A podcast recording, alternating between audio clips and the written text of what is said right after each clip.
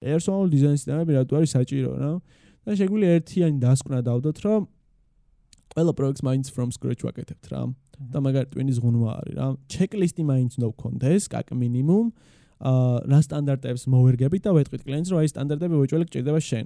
აი ეს და ოფიციალურად და ის არის რა ქვია დაკომიტებული რული არის შექმნილია წესი რომ ეს ვეჭველი უნდა გამოიყენო რა და ეს კლიენტს რო აჩვენებთ ამ ჩეკლისტ და დიზაინზე რაც არის სიტყვაზე.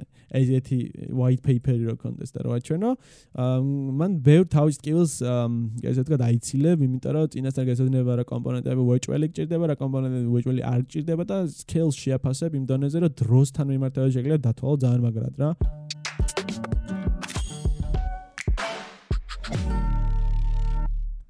მოგესალმებით, ჩემო მეგობრებო, ახლა უკვე მე-6 ეპიზოდიდან ტატოსთან ერთად ანრი სამწუხაროდ ვერ დაესწრება ამ ეპიზოდს. სალამი ტატო. ანრი გავაგდეთ, ასე რომ ვაკანსია გვაქვს. ვისაც უნდა შევაგდო. მე სამე ჰოსტზე კი ბატონო. როგორ ხარ? ნორმალურად. ცოტა გამოუძინებელი, მაგრამ ხნეთ მაინც. შენა? მეც არ ამიშავს. დღე დღევანდელი ეპიზოდი არის ალბათ ყველაზე საინტერესო ეპიზოდებს შორის, იმიტომ რომ ერთგვარი გამოწვევა თემა გვაქვს აღებული. აა ზოგადი თემა გახლავთ დიზაინ სისტემები, მაგრამ მთავარი რატომაც ვწერთ ამას არის პერსონალური დიზაინ სისტემები, რაც ინტერნეტშიც ძალიან იშვიათად არის მწირად არის ეს ინფორმაცია, რომ არავის არ დაუწერე რომ პერსონალ დიზაინ სისტემა რას ნიშნავს და ორად გავყავთ ამ გადაცემის ეპიზოდს. გულისხმობ ერთ ეპიზოდში იქნება ორი ესე ვთქვათ კვეთა.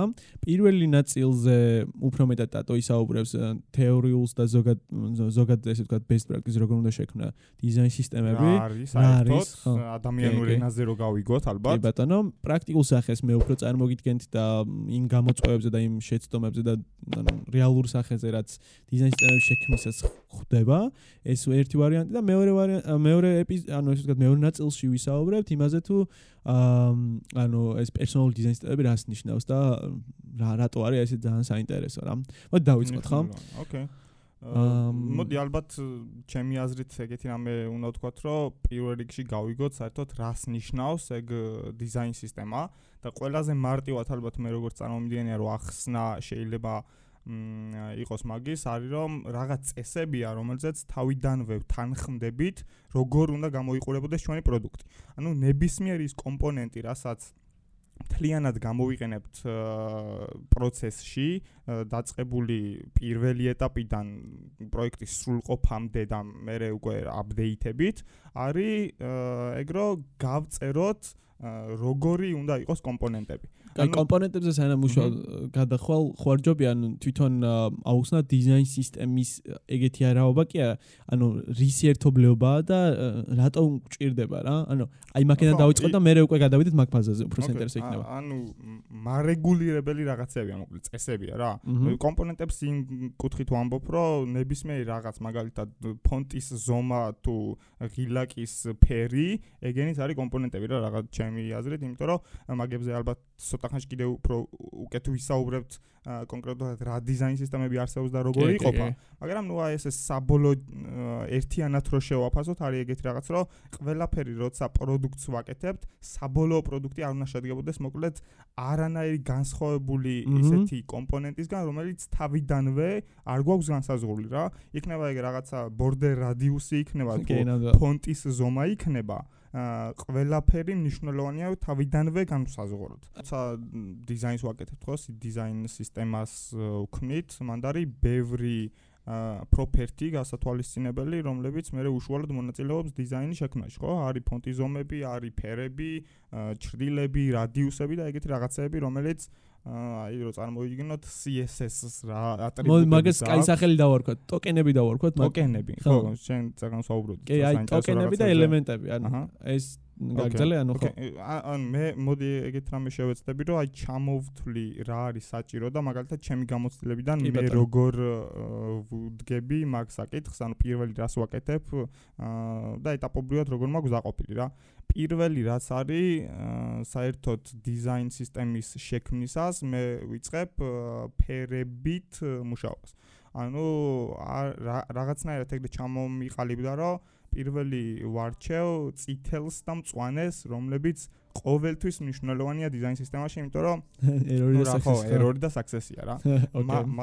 მაგაზე მორგებულ მორგებულ ფერებს მე ვიწყებ უკვე უშუალოდ პროდუქტინა გამომდინარე რა სენსორება პროდუქტი და იმაზე ფიქრს რომ რა არის ყველაზე ამსახველი ფერი მაგისტვის. ანუ ბრენდ ბრენდ გაიდლაინი რო კონდეს აი დაახლოებით. იმ შემთხვევაში თუ არ მაქვს რაღაცა უკვე ჩამოყალიბებული ის რომ მოწოდებული არ არის რაღაცა და მიწევს მე თვითონ მოვიფიქრო რა აქტიური ფერი და პასიური. ანუ ფერების მერე რა ხდება? ფერების მერე ჩემთვის მაგალითად მოდის და ხშირად არის ხოლმე რომ ვიღაცები ახტებიან მაგას და რატო არ ვიცი და მაგრამ მოდის ჩრდილები. ჩრდილები იმიტომ მოდის რომ ისეთი დიდი დიზაინ სისტემები აა მაგალითად როგორც არის მატერიალი, ოკეი, მაგას თუ ვიყენებთ, უკვე მოცემულობა გვაქვს რა ჩრდილი უნდა გამოვიყენოთ. მაგრამ რახან მაგ ხალხმა მაგაზე იფიქრა, ესე იგი ძალიან მნიშვნელოვანი რამეა და შესაბამისად ჩვენი პროდუქტიც რო არ გამოვიდეს, აი სხვადასხვა ჩრდილების ერთობლიობა, მნიშვნელოვანია რომ თავიდანვე გქონდეს გათვალისწინებული რა კომპონენტზე აა, რა ტიპის ჩრდილს ვიყენებთ რა. შესაბამისად ჩრდილებს როცა ხო, საფეხურები რა, იგივე რა. ხო, ანუ სიღმეები და რაღაცა როგორ უნდა კონდეს, ხო, რაღაც კომპონენტს რა. მოდალი იქნება, აი კომპონენტი თუ ღილაკი იქნება, თავიდანვე მნიშვნელოვანია ვიცოდეთ რა პრინციპზე ავაგებთ მაგ ყველაფერს. ხო, ანუ ესე რომ წარმოვიდგინოთ მოკლედ მან ვისაც დეველოპმენტში წარმოგიდგენთ რაც არის Z Z ინდექსი და ახლობით იგივე პრინციპი აქვს ამასაც რომ ანუ ეს რა- რაზე უნდა დაჯდეს ერთი მეორეზე ხომ უნდა დაჯდეს ანუ რაღაც კონდეს float ვარიანტი რომელიც დააპოზიციონებს უფრო მეტად გაჩვენებს რომ ეს არის ამის ზედა კომპონენტი რა ან თუნდაც ატომი რა. ხო და ამას ვეძახით საფეხურებს. ამის მიხედვით პოზიციონირდება ეს შეიდინგები ანუ იქნება first floor second floor ანუ პირველ სართული მეორე სართული და მერვე სართული. ძირითადად შემთხვევაში მერვე სართულს არ იყენება ხოლმე 4-მდე არის ძალიან ისეთ მნიშვნელოვანი და ამ შეიდინგის იმას არ ჩავუღმავდეთ გააჩნია, მე მგონი მან გააჩნია უფრო იმას პროდუქტის სიდიდეს ალბათ. კი არა, CDD-საც გააჩნია და ხო იქ თან ისე დროვერები და რაღაც მაიმუნოვები თუ გაქვს, მაგის მიხედვით გა- გადაგეთდება ყველაფერი. მაიმუნობები. მაიმუნო- დროვერი პირველად გავიგე რომ მაიმუნობები. კი, დროვერი და მაიმუნობა რაღაცა. ხო და ანუ მაგის გარდა რომ შევხედოთ, ანუ მა- მაგას დეტალებში არ არ- ჩავ არ ჩავიყვანოთ, ანუ UI-ის დონეზე არ გავარჩიოთ რა მხოლოდ როგორ უნდა იყოს. მაგის გარდა კიდე არის რაღაც ელემენტები, თან ესე კონკრეტულად აღარ გავარჩიოთ, იმიტომ რომ განი ძალიან დიდი ხანი მოუნდებით, აი ესე რომ დავიწყოთ ინფუტები და რაღაცა. ოკეი. ანუ general general რაც შეაჯამო რომ რამდენი ცალი კომპ ისა ელემენტი შეიძლება არსებობდეს აი ხო უსასრულო არის მაგრამ ერთ სტანდარტზე ყალიბდება თითქმის ყველა რა. არ ხო, ძირითადად ალბათ უკვე ის არის, რომ მე გადავდივართ რაღაც ფონტებზე, სპეისინგებზე, ძირითადად და ნუ ღილაკებზე რა, და ღილაკებიდან უკვე მე ღილაკებიდან მიდიხარ ფორმებზე და ფორმა რითიც შედგება, ეგენი ვიცით და ყველაფერი მნიშვნელოვანი ეგენი გავითვალისწინოთ. და რაც უფრო მეტ კომპონენტს, რომელიც წარმოგვიდგენია, რომ ჩვენ პროდუქტში არსებებს, აა კარგია რომ თავიდანვე მაგაზე მოვახდინოთ ფოკუსირება და გავაკეთოთ ყველა state-ი წინა იმაში ვისაუბრეთ პოდკასტში მაგაზე აა ეგენი გქონდეს გამზადებული რა. კი ბატონო ეგრეა ნამდვილად და აა საბოლოო ჯამში რო შევაჯამოთ ამ პირველი ესე ვთქვათ პა- პატარა იმის რა ქვია მინი ნაწილის აა, მთავარი სათქმელი რაც იყო რომ აი ბოდიში ამას ვიტყვი რა შეგვიძლია რომ ეს წინაზე კაი პრაქტიკა დავნერგეთ მე მგონი. აი ეს სტაილ გაიდები დავარქვა რა, საბოლოო ჯამში მაგის რაღაც best practice-ები, case study-ები შეგვიძლია რომ ლინკებად კი, დაუშვათ.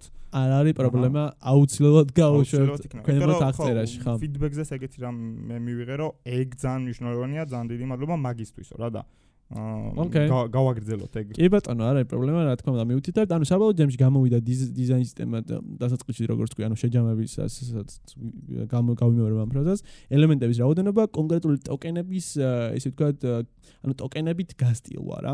ელემენტები არსებობს, სტანდარტები არსებობს, ინფუტები არსებობს, რედიო ბატონებიც არსებობს, სელექტები და აი 1000 ფუნდამენტურად ესეთი პირველი პირველადი კომპონენტებს დავარქვა მოდი ელემენტები, რომელიც აუცილებელია რომ ვებზე იყოს რა, ანუ პროდუქტზე იყოს მინიმუმ, ან მაგის გარშე ვერ არის, ну შეიძლება პროდუქტში ინფუტი არ კონდეს რაღაც მომენტში მე მე ვერ წარმოვიდგენი ეგეთი პროდუქტი, მაგრამ არის რაღაცნაირი პროდუქტები, სადაც ძირითადად მოდით არის სადოთ მე რა. ლენდინგებია ძირითადად და მან ხო. ინფუტები ძალიან იშვიათად აქვს რა თუ ის მართლა subscribe-ը Subscribe-ი, ხო თუ ხო. არა აქვს მაგ შემთხვევაში. ხო და აი მაგ სტანდარტების გარდა არის რაღაც დამატებითი სპეციფიური კომპონენტები, უკვე უკვე კომპონენტები, რასაც ქვია, რომელიც ეს დიზაინ სისტემაში კი არა, ანუ ბრენდის და კონკრეტულად კონკრეტულად. მაგრამ თქვი. კონკრეტულად არ ამოუჭრით ამას არ ამოუჭრით ხო ანუ კონკრეტულად SaaS პროდუქტის ან რაღაც enterprise პროდუქტის შიგნით ხდება რომ აი სპეციფიურად რა. თორე დანარჩენები არის სტანდარტები რა. ყველა შეუძლია ხა მასალაზე ანტზე კარბონზე რა ვიცი ძალიან ბევრი დიზაინ სისტემა სადაც ესენი დამკვიდრებულად ცხოვრობს თავისთვის. შენ გონდა კაი საიტია designsystems.com ყველა არის. მაგასაც მოსულოთ აბსოლუტურად ნებისმიერს ნახავ კი ბატონო ეგრეა ნამდვილად. ვინდა როდის გამოიგონა და რატო გამოიგონა ეგრე. კი კი კი კი კი. და აა ე მაქსაიტებს ხო დავლინკავს და ანუ ამის შესწავლა ცალკე არის კიდე რაღაცნაირად რესერჩის ფაზის ერთ-ერთი საინტერესო მიმართულება რომ ანუ შეიძლება კონტრასტები გაავლო დიზაინ სისტემებში არის იქ რატო იყენებენ ამას აქ რატო იყენებენ ამას?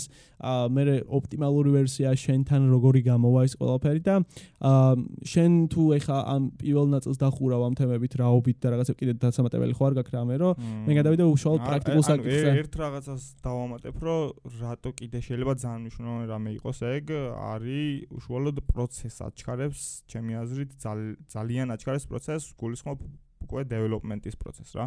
იმიტომ რომ ის ხალხი, რომელიც მე ჩვენ დიზაინზე მუშაობს, თავიდანვე იციან რასთან აქვს საქმე და იციან რომ რაღაცა ისეთი არ დახვდებათ შემდეგ, რომელიც საიდანღაც მოვიდა რა. და სამომსად აი ეგეც უკვე არა მარტო ატომიკ დიზაინი ხო მარტო დიზაინ პროცესი არ არის, ანუ დეველოპმენტის პროცესიც ხო არის, იმიტომ რომ იქაც რაღაც ფრეიმვორკზე როცა წერენ მაგალითად, იქაც იგივე ლოგიკას ითვალისწინებ რა კომპონენტებს ეგრე მინიმალურ დონეზე ყოფდა. ახან დეველოპერებმაც უკვე იციან რომ აი ჩვენ ეს უნდა შევთავაზოთ როგორც დიზაინერებმა. ყველაფერი უფრო მარტივია რა. ყველაფერი რა, მაგრამ ბევრად უფრო მარტივია. კი, კი, როგორ არა, იქაც იგივე პრინციპია მოკლედ, ანუ დინამიური ვარიანტები არის. აქ უბრალოდ ეს გამოცდილება არ იყო საკმაოდ ანუ დეველოპმენტის გარემო ხო ძიძა დინამიურია და ანუ უფრო უფრო flexible არის ეს ვარიანტი ვიდრე ჩვენთან. ჩვენთან ეხა წამოვიდა აი smart ესენი კომპონენტები რომ შემოვიდა Figma-ზეც, Sketch-ზეც და ეს XD-ზეც nest სიმბოლოები, მაგის მერე წამოვიდა ეს დინამიკა ანუ state-ების წარმოების რა. თორე მანამდე თავის დროზე ყველაფერი Photoshop-ში და რაღაც გიჟო გიჟო პროგრამებში ესე ცალ-ცალკე ხატებოდა და ძალიან ტვინის ღუნვა იყო რა. ხო და ეს ვარიაციები და ცვლადები ეხა ახალ შემოსვლია დიზაინში რა. და მაგიტო არის ეს პირდაპირ კავშირში რა, ანუ ეს იქ თუ დააპგრეიდ და დეველოპმენტში კარგახანია, დიზაინში ცოტა ძნელად დააპგრეიდ და ეს ყველაფერი და ნელა ფეხს უწყობდა, ანუ დეველოპერებისთვის კარგი საკოლაბორაციო ამბავია ეს ყველაფერი რა. ამის გარდა ეხლა მე პრაქტიკულ სახეზე ვისაუბრებ, იმიტომ რომ ხო, აი უშუალოდ შენი გამოცდილება რა არის, მაგრამ მოკლედ მე ვიტყვი უფრო უშუალოდ ეს რა ქვია პრაქტიკულ სახეს ან დიზაინ სისტემებზე უშუალოდ მიმუშავია და პატარა ზომისას დიდი ზომებზეც მიმუშავია და ვიცი რომ დიდ ზომებზე არა დიდ ზომზე ერთ-ერთ ზომაზე. კი ბატონო. აა ხო და აი აქ არის ძალიან ბევრი გამოწვევა ეს ძალიან საინტერესოდ კი ჟღერს რომ აი რა უნდა კაცო დიზაინ სისტემას მოდი ავაწყობა. ძალიან დიდი ისა რა ქვია ტვინის ღუნვა. ხო ანუ ძალიან დიდი ტვინის ღუნვა რომ წარმოიდგინოთ დიზაინ სისტემის აწყობა კონკრეტულ სოფტვერიდან გამომდინარე რომ შეხედოთ და პლუს მაგას ელემენტებიდან გამომდინარე. იმიტომ რომ ძალიან ბევრი ელემენტია და ამ ელემენტებს აქვს თავიანთი რილეიშენები რა. და ეს რილეიშენები უნდა გადაიტანო თვითონ სოფტვერში ან პროგრამაში ისეთნაირად რომ ერთ მეორეს არაზიანად ან კონფლიქტები არ ხდებოდეს რა. და ეს ჩვენ რაც გვაქვს ამ წამს ხელშესახები პროგრამებიდან ყველაზე კარგად გამოსდის sketch რა ვქნა და მართლა ეგრეა figma-ს figma-ს შემდეგ ვისაუბრებ. figma-ს შეუძლია ეს ყველაფერი მაგრამ დიდ დიზაინ სისტემებზე figma ვერ იმუშავებს იმიტომ რომ შენ მე მგონი ბოლო აპდეიტი არ გინახავს. არ ვიცი არ ვიცი შეიძლება იმუშაოს არა შევთანხმდით რომ ამას მე კი ბატონო მაგრამ ჩვენ ჩვენი research-დან გამომდინარე ვინც ვიმუშაობთ ამ დიზაინ სისტემაზე research-დან გამომდინარე საკმაოდ ისე ვიყავით მაგ Figma არ იყო ის რაც რაც უნდა ყოფილიყო რა. მაგიტომ ამბობ რა ბოლო აპდეიტი კომპონენტების კუთხითაც მართლა სერიოზული ნაბიჯებია წინ გადადგა. ოკეი. აა სამუშაო პროგრამებში ყველაზე მაგარი არის ამ ამ წამს sketch-ი რადგან მე ვიცი და მაგის გარდა არის სამუშაო ანუ ამ version control საკი 9ჯერ მაქვს ნახსენები მაგრამ მაინც ვიტყვი აა abstract-ი რა abstract-ი ერთ-ერთ ხო ანუ ერთ-ერთი განმეორებელი ამ საკითხში ერთ ერთი კომპანია იყო ადრეს ხაშოს ბეტა ტესტერი ვიყავი მაგ ხალხის. აა იყო specify app ყველაფერი ერთად ქონდათ გაერთიანებული წარმოიდგინეთ Zeppelin-ი, GitHub-ის, ანუ GitHub-ზე პირდაპირ მიზიოდა და push notification developers რო ისა რა ქვია, აქ რაღაც update გაკეთეთ დიზაინ სისტემაშიო და შენ შეცვალე იქ ბარემო, ანუ წარმოიდგინეთ ეს ავტომატიზაცია ქონდათ McDonald's-ზე, ძალიან კაი სტარტაპი იყო, არ ვიცი. სათარიანი ხლა იგი. ანუ 2019 წელს გავეშვებითო დაჟე კომუნიკაციაც ქონდა მაგის CEO founder-თან და მე კი კი კი მე ვიყენებდი მაგ იმას პროდუქტ ძალიან ხშირად მინდა და დაჟე ძალიან მაგარი რამე ქონდა, ანუ handoff-ი თუ იცით DSM-ი რა, design system manager-ი არის InVision-ის, მანდრო style guide-ები არის ესე ჩამოწკრივებული შეიძლება გააზიარო. აი ეგეთი პონტი ქონდა ძალიან მაგრად გაკეთებული აყონც რა. ანუ ეხა Zeppelin-ს არა გეგეთი რამე Zeppelin-ზე private არის ყველაფერი და შინ კი ვხედავთ style guide-ებს, მაგრამ აა მოკლედ ამ soft ძალიან კარგად ქონდა გაკეთებული. აი Figma-ს კიდე ერთი პლუს. ხო, ანუ Figma-ს ხო შეგიძლია ლინკად გააზიარო, ხო. აა მომენტ ხო, ეგეც არის.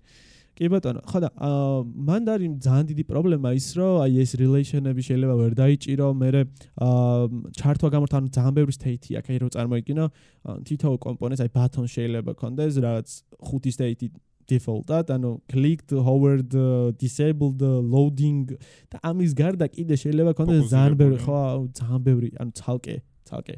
ესეთ კონდეს ძალიან ბევრი ისა და ანუ ინხელა გამოდის ეს დიზაინ სისტემა და ისეთი წონიანია რომ აი ვერ წარმოიდგენთ რა აი ფაილს რო ხსნი გიჭედავს წარმოიდგენთ. აი კაკრას ეგ მანდ მინდოდა ის კითხვა რა წერან და ბარი დაგისვა ანუ შენი აზრით როგორ წარმოგიდგენია რა რა რამ როგორ უნდა შეაფასო პროდუქტის სიდიდე მაგალითად, რომ ღირდეს დიზაინ სისტემა თუ ყველა შემთხვევაში ღირს რა. კი ბატონო. აა მოკლედ დიზაინ სისტემა არის აი პერსონალურ ნაწილზე დავაკავშირებ მე. ანუ დიზაინ სისტემა არის ყველასთვის უკვე საჭირო, ანუ სტაილ გაიდი ყველაზე მინიმუმ, ანუ დიზაინ დიზაინ სისტემის დიზაინ სისტემის მინიმუმი აქ მათ ჩემთვის წარმოქმნაში არის სტაილ გაიდი. სტაილ გაიდი რო ქონდეს იგივე რაც მინი დიზაინ სისტემა და კორპორაციებს თავიდან ჩამოთვალე და ფერები კი კი კი კი. აა კორპორაციებს აუცილებლად ჭირდება დიზაინ სისტემა სხვაგვარად მათი ესე ვთქვათ ბიუჯეტური დაგეგმარება არ იქნება სწორი იმიტომ რომ ძალიან დიდ და დიდ რესურს მოითხოვს რა ის კორპორაციას მიაწოდოს სწრაფად რაღაცეები და თან პლუს ყოველჯერ სხვა სხვა სხვა რაღაცები არ არ მისცე ანუ ერთი სტაილ გაიდი კონდეს ამიტომ მათაც მომენტ უღირთ რომ აი ერთი რამე გააკეთონ აუცილებელია ჩემეზეთ ყველა დიდ კორპორაციას უნდა კონდეს სტარტაპების კუთხით რა სპეციფიკა სტარტაპებში უნდა იყოს კიტები სტაილ გაიდები სტაილ გაიდები და მან მივალთ კაკრას აი პერსონალურ დიზაინ სისტემამდეც რა. ამის გარდა ერთ დავამატებდი რომ აი ეს აბსტრაქტ და სკეჩი როგორც მუშაობენ და პლუს ზეპლინი არის ძალიან ისეთი მაინც და მაინც ძალიან სინთეზური არა რა. ანუ იქ და სინკავი გამოჩნდება კი ბატონო შენ თუ იზამ ყველაფერს მაგრამ მაინც არის რაღაც ისენი მოქმედებები, რომლებიც ჭედავს რა, დიდ რაღაცაზე როცა მუშაობდა, ძალიან ბევრი ესეთი ყოფილა და ამ ამ იმებს მიმართ ამ დიზაინ სისტემების კონკრეტულად როცა გავარჩევთ ერთი გადაცემა გვექნება მაგის აი თვითონ მასტერ კლას ჩავატარებთ, როგორ ნავაწყოთ თუნდაც კომპონენტი რო rilation-ები კონდეს ამ ყველაფერს, მაგ მაგ დროს შეგვიძლია აი ყველაფერი იმას აქვთ რა ქვია. გავარჩევთ და გაჩვენოთ, რომ აი მაგალითად რა კონკრეტული პრობლემა შეიძლება და ყოფილიყო ამ მიმართულებით რა. ხო, ეს არის სტუმრებიც გვეყოლება მე უკვე შემდეგში არ ვიცი, მაგრამ ერთის მე მე მგონი უკვე სტუმრებთან ერთად დაგიბრუნდებით და უშუალოდ თავის გამოცდილებებს მოგვიყვებიან. აა მაგალითად დიზაინ სისტემაზე აა როგორ დაიწყეს და კი ბატონო. გადავიდეთ მეორე ნაწილზე, მეორე ნაწილი ყველაზე საინტერესო უნდა იყოს ტესტერიგით და ანუ აქამდე თუ მოხვედით, ამას უეჭველი უნდა უყუროთ. იმიტომ რომ ამაზე არის მთელი ეს ეპიზოდი რა. პირველი იმიტომ მოვყევით, რომ იმ ხალხის ვინც არის ის დიზაინ სისტემა ნორმალურად რას ნიშნავს, გასაგები ყოფილიყო მე ეს მეორე ნაწილი. აა შენ ხო არ გიფიქრია აი პერსონალ დიზაინ სისტემებზე აი რა არის და ინტერნეტში ხო არ გინახავს რამე კონკრეტულად ამ მიმართულებით მაინტერესებს. სიმართლე გითხრა ნაკლებად, იმიტომ რომ გუშინ თუ გუშინ წინ ამაზე რო ვისაუბრეთ, რაღაცა კარგად ჩამრჩა თავში, მაგრამ დარწმუნებული ვიყავი, რომ შენ მეტყოდი მაგაზე რაღაც ინფორმაციას, მე შეიძლება რაღაც კითხვები გამიჩნდეს და რა მე მგონი უფრო ეგეთი ეს დიალოგის ვარ, კი კი კი, მეც ჩემ თავთან დებაგინგს გავაკეთებ რაღაცნაირად, რომ შეიძლება ვწდებოდე. ანუ მე მიფიქრი ამაზე, მაგრამ კონკრეტულად არავისთვის არ გამიზიარებია ესე რომ აი აი პერსონალ დიზაინერები რა. გამოუშვიდა. კი ბატონო. მოკლედ თავიდან ტატამ ძალიან კარგად აღნიშნა ეს მისთვის რა იყო ყველაზე მნიშვნელოვანი ესე ვთქვი დიზაინ სისტემაში და სტაილ გაიდ დინგში მრითი იწებდა ამ ფაზებს. აა მე ჩვენც მივამატეთ რაღაც ანუ მე მეც მივამატე რაღაცნაირად და შევკარით რომ თურმე ყოფილა რომ ელემენტებს პლუს ტოკენები ანუ ტოკენები არის ფერი, რაღაცა კონკრეტული ბრენდიდან წამოსული ამბები, რომელიც CSS-ის ატრიბუტი. ხო, აი, რაღაც ეგრე შეიძლება წარმოიდგინოთ უფრო კიდე სხვანაირად რო შევხედოთ მაგას, ხო? ამის გარდა რომ წარმოიდგინოთ ეს პერსონალ დიზაინ სისტემები ძალიან წადგება ისეთ ხალხს, აი აუთსორსზე ვინც მუშაობს, ფრილანსინგ ფრილანსინგს აკეთებს ძალიან ხშირად და მუშაობს ისეთ პროექტებზე, რა, ანუ დედიკეიტ ტიპი არის თავისთვის. ერთი კაცი კომპანია არის, მოკლედ. და მე თუნდაც შენ კი აპორგზე მუშაობ. აა დელივერი ხო, ტოპტალზე თუნდაც. დელივერი პროცესი რო უფრო მარტივი და სწრაფი და ისეთი იყოს რა. ოღონდ ამ შემთხვევაში პირველი რაც უნდა გავითვალისწინოთ, რომ ამ ელემენტებს სანამ გავაკეთებთ ინფუტებს radio button ეს ხო სტანდარტი არის რომ ინფუტი radio button და ეს რაღაცები არსებობს მოკლედ რა. კიდე ძალიან ბევრი ლისტი არის, ან ჩეკლისტი შემიძლია გავლინკავს სხვა შორის ჩეკლისტი დიზაინი ეგეთი საიტი არსებობს, სადაც დიზაინ სისტემების ესე ვთქვათ ფუნდამენტალური ეს იყო ძალიან მიყვარს. ფუნდამენტალური ელემენტები ა? ელემენტები ანუ რა უნდა გაითვალისწინო ელემენტებში სტანდარტებში რა. ხო და აი ეს სტანდარტები რო წარმოვიდგინეთ გაქვთ low fidelity დონეზე. ანუ პროსტა იცით რომ ეს არის input ის არის ეს ეს არის ეს ხო? ამის გარდა მოკლედ ვარიანტი არის რომ ესენი გადა ანუ მიაბა ამ იმასთან რა ტოკენებთან რა და ეხა inputs რო შევხედოთ რავი ეხა მატერიალს აქვს label-ი შიგნით და კიდე placeholder-ი ან აქვს მაგალითად გარეთ აქვს label და placeholder-ი შიგნითაც აქვს და აი placeholder-ის გარეშე placeholder-იანა და label-იანა და აი ბევრი ვარიაცია არსებობს მოკლედ ამ კომბინაცია უბრალოდ ამ ისა input-ების ელექტების და კიდე მსგავს რაღაცა ქვემოთ ხაზი და კიდე რაღაცა ზემოთ label-ი ეგეთებიც არსებობს და აი აქედან ოპტიმალურ ვერსიას თუ აარჩევ ან რამოდენიმე სტილს აარჩევ და ტოკენებზე გინდა რომ გადაატარო და თუ შვები SaaS პროდუქტზე, SaaS პროდუქტზე თუ მუშაობ და enterprise პროდუქტებზე, ან ძირითადად ის არა ლენდინგებზე და რაღაცებზე, ან თვითონ რა CRM-ზე ან რაღაცა აქვს პლატფორმებზე. მაგაზე რას ფიქრობ, ანუ აი რამდენად მნიშვნელოვანი არისო ლენდინგებისთვისაც გამოიყენო. კი, უეჭველი. უეჭველი აბსოლუტურად რა, ანუ ეგ ეგ გამოსაყენებელი ან მე მაქვს დაჟე კიტი მაქვს ან კიტად რო წარმოიდგინოთ ახლა. აი არ მიყვარს ლენდინგებზე მუშაობა და მაგით. აა ოკეი. ხო, ან ლენდინგებზე ძირითადად საინტერესო ანუ არსებობს რამოდენიმე მანდატ ხო ანუ მანდატ არსებობს რაღაცა ფუნდამენტალური სტანდარტები ლენდინგი როგორ უნდა აწყო რა ანუ ლენდინგების სექციები როგორ უნდა აწყო ფოტო ტექსტია ხოლმე პოპულარული ფოტო ტექსტი და კიდე ჩანართები კიდე ერთი თლიანი ფოტო და ზედ წარწერა ბანერი ანუ ესეთი most used რაღაც კომპონენტები არსებობს რომლის ლისტი მაქვს მე კიტი მაქვს wireframe-ების და იმის მიხედვით ვაწარმოებ ანუ არ არის საჭირო ახალ რაღაცებს თუ მოიგონებ კი ბატონო მაგრამ ეს სტანდარტები შეიძლება გაითვალისწინო ისე რომ რამე.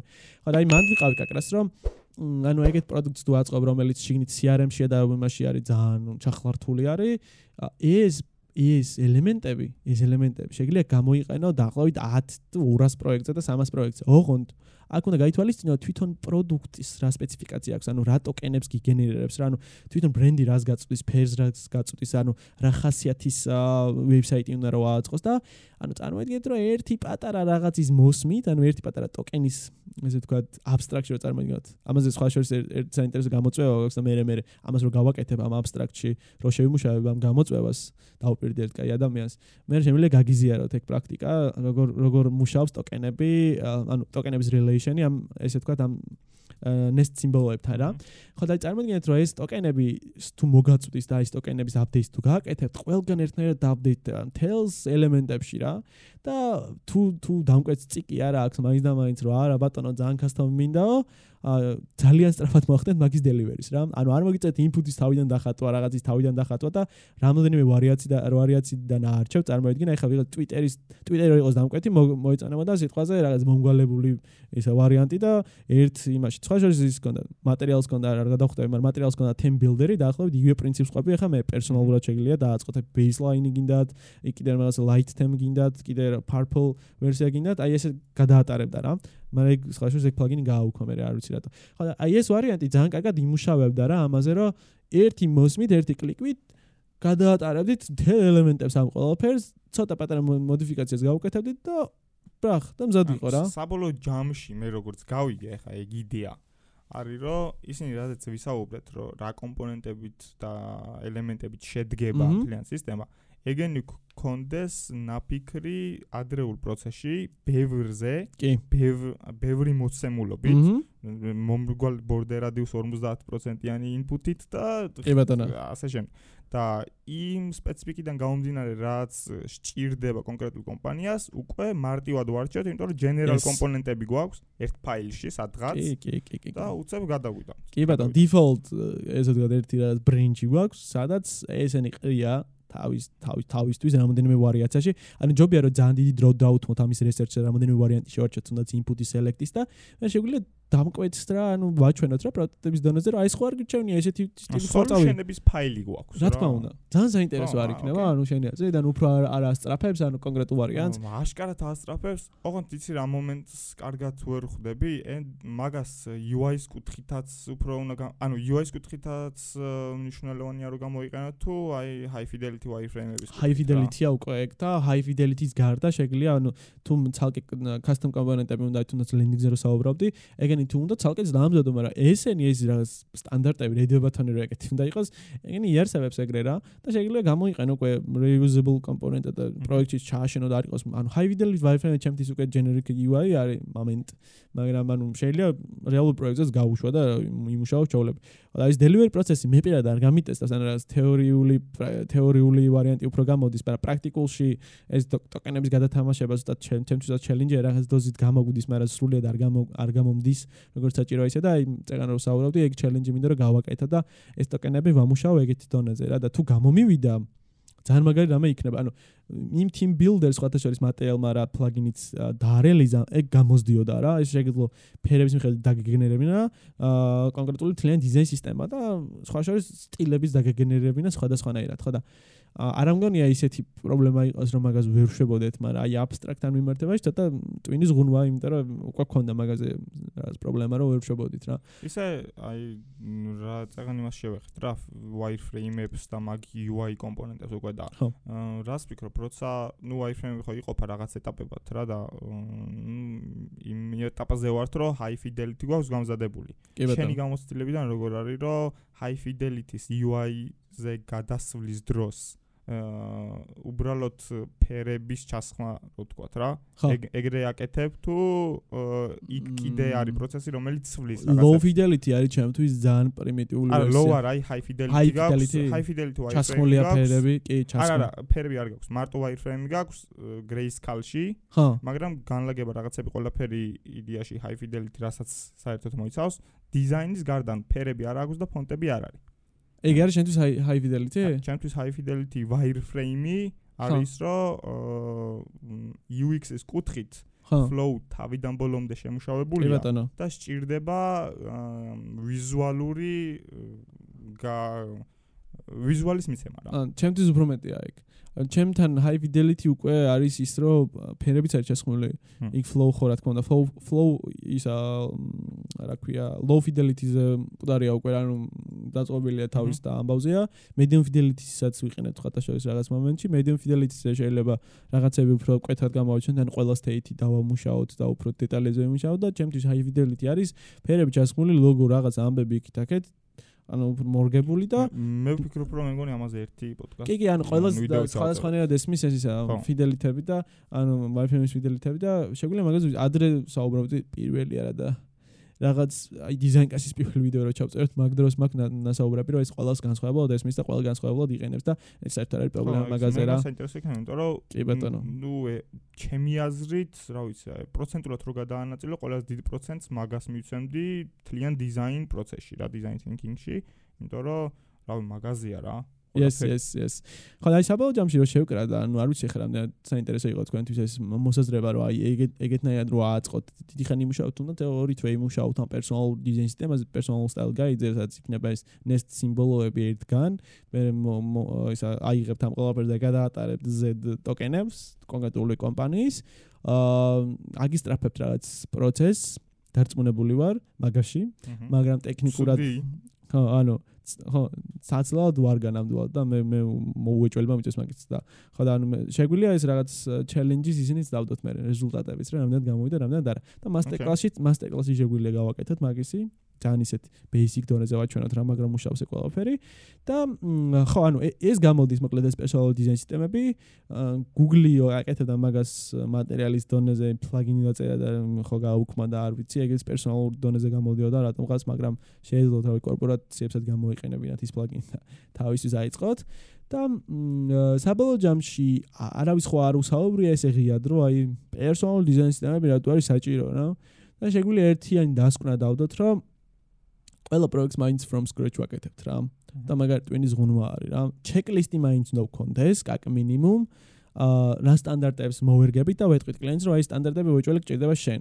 აი ეს და ოფიციალურად და ის არის რა ქვია დაკომიტებული რული არის შექმნილია წესი რომ ეს უეჭველი გამოიყენო რა და ეს კლიენტს რო აჩვენებთ ამ ჩეკლისტ და დიზაინზე რაც არის სიტყვაზე. ეს ერთი white paper-ი რო კონდეს და რო აჩვენო, მან ბევრ თავის skills ესე ვთქვა დაიცილებ, იმიტომ რომ წინასწარ გასაზრდება რა კომპონენტები უეჭველი გჭირდება, რა კომპონენტები უეჭველი არ გჭირდება და skills შეაფასებ იმ დონეზე, რომ დროსთან მიმართება შეგვიძლია დათვალო ძალიან მაგრად რა. და აი რო იწყე თავიდან რაღაც აი ძალიან ბევრი სტეიტი აქვს მაგალითად select რა. select შეიძლება იყოს რაღაც multiple choice-ი რა ერთში შეიძლება ერთი აერთში შეიძლება drop down-ში რო ჩაწერო ისეთი და აი ძალიან ძალიან ბევრი აქვს ამ select და ამ select-ის მოფიქრებაზე რო არიწო ამ checklist-ში შეიძლება კონდეს select-ების რამოდენიმე ვერსია ერთხელ გაკეთებული აჩვენა რა ტიპს რა. ანუ ანუ ხო ხტები რა მატერიალი და ან დიზაინის ლინკები რო არ დაუზიარო შეიძლება გააკეთო checklist-ი და აჩვენო რა. იმიტომ რომ ეგეთი ის მქონია რა. აი ესეც გავაკეთებთ ხა ხო ხტები რა. მაგრამ შენი გაქვს აი ეს გავაკეთე და უფრო მოყვება რა მე რა. კი ბატონო რა. ხო და რავი. ოკეი. ძალიან ის არის ხო რაღაც challengeable ვარიანტია.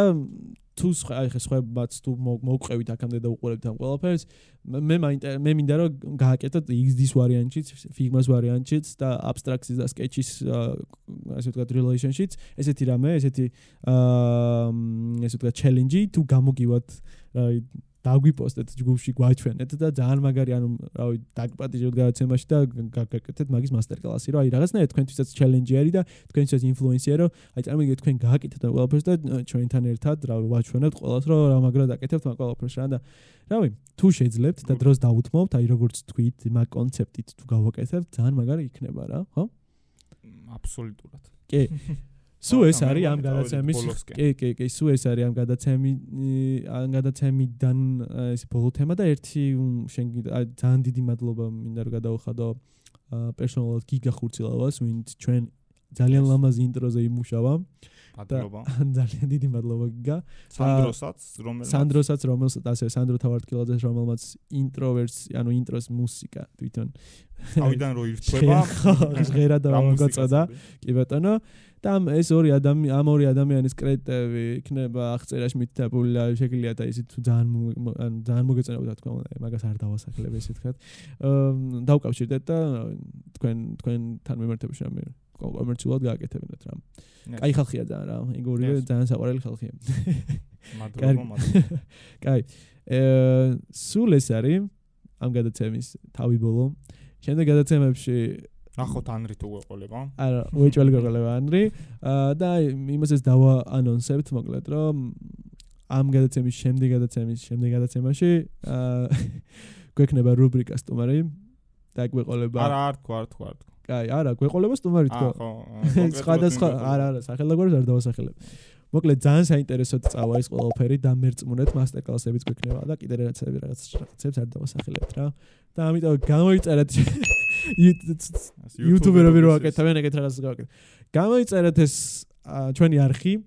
და ანუ დაასაბსკრაიბეთ, დაალაიქეთ ეს ვიდეო რომ ტრენდინგებში ვერ მოხვდებით. 1-20 წელი ალბათ და იმდენი არ დაგვილაიქებს, მაგრამ მაინც იმეც ვიტოვებ რომ თუ მოგეწონება აუცილებლად დალაიქ დალაიქებ და თუ არ მოგეწონება და დისლაიქს გავუკეთ აუცილებლად ესე სინდისურად დაწერე კომენტარებში რატო არ მოგეწონა მართლა მაინტერესებს. ან ადეკვატურად დაგვიწევს ადამიანმა რატო გავუკეთო დისლაიქი რა.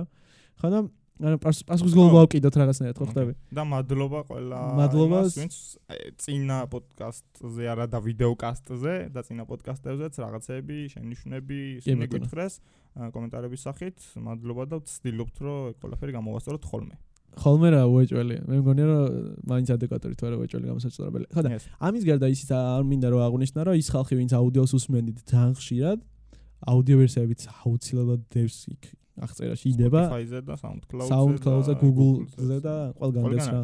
ანუ ამას როგორც კი დავდეთ ამ ვერსიებს, ვიდეო ვერსიებს, აუცილებლად აუდიო ვერსიები ცალკე იქნება რა, ვისაც გინდათ რომ პირდაპირ მოისმინოთ რა.